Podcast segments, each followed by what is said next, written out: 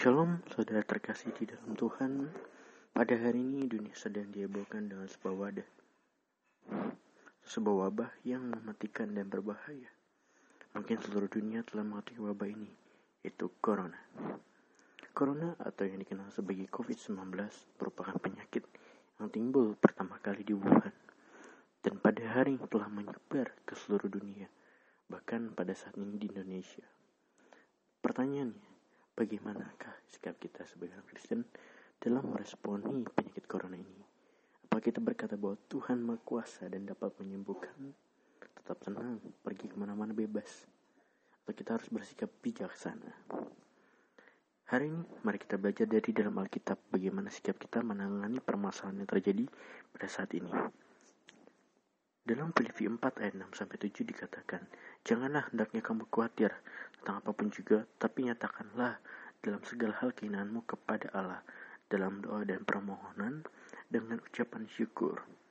Damai sejahtera Allah yang melampaui segala akal akan memelihara hati dan pikiranmu dalam Kristus Yesus. Yang pertama, jangan kita khawatir. Firman Tuhan berkata, janganlah khawatir saudaraku. Segala sesuatu punya waktunya dalam khotbah 3 ayat 1. Dan tetap tenang.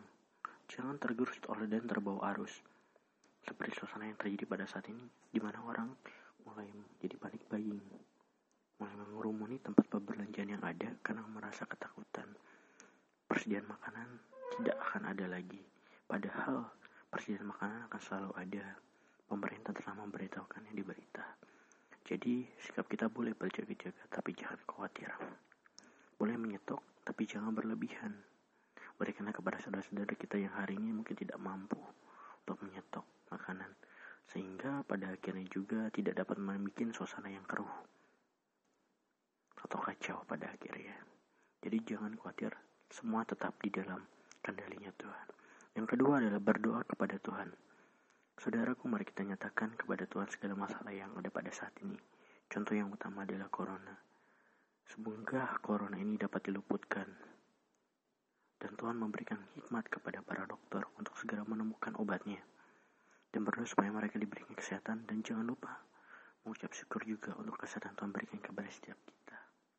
Penuh dengan ucapan syukur, tahukah saudaraku bahwa hati yang gembira adalah obat. Maka dengan demikian tubuh kita akan kuat sistem imun kita akan lebih baik. Maka itu mari kita bersyukur kepada Tuhan untuk kesehatan yang Tuhan berikan. Yang ketiga, damai sejahtera Kristus tinggal di dalam kita. Saudaraku terkasih, biarlah damai sejahtera Kristus tinggal di dalam kita. Yang maksudnya adalah kita tidak terbawa oleh suasana pada saat ini. Biarkan damai Kristus memenuhi setiap kita sehingga kita dapat bertindak dengan bijaksana. Jika damai itu tinggal, maka kita akan berpikir dengan baik, dengan penuh hikmat. Contohnya gimana? Dengan suasana corona seperti ini, kita menjaga kesehatan kita dan mengikuti instruksi pemerintah yang ada, yaitu berada di rumah. Bukan karena kita takut, tapi kita mesti berpikir dan memiliki hikmat yang Tuhan berikan. Karena ada masjid tinggal di dalam kita. Nah, pada akhirnya saudaraku, saya mengingatkan bahwa berjaga-jaga itu harus. Tetapi khawatir jangan tapi nyatakanlah itu kepada Tuhan dalam suruh doamu dan mari kita berdoa supaya keadaan pada saat ini semakin membaik. Sehingga corona dapat diluputkan dari Indonesia. Tetap percaya, tetap berdoa.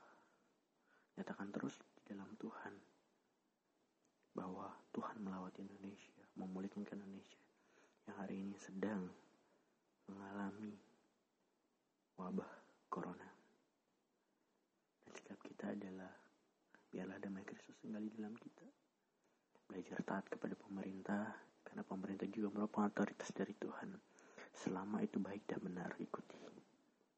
Mari kita jadi Kristen yang membawa damai Kristus di tengah-tengah virus corona ini. Terima kasih. Tuhan Yesus memberkati setiap kita. Haleluya.